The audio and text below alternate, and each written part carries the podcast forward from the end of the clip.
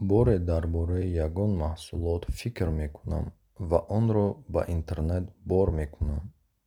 Аммо як мушкилие вуҷуд дорад.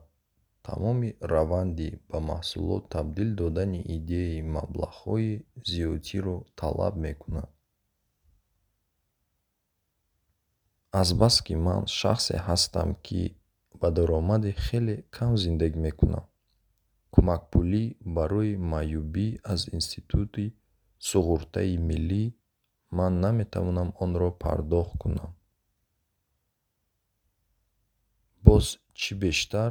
Бо назардошти вазнини вазъияти ман ҳатто тахфифҳои хеле баланд кӯмак намекунанд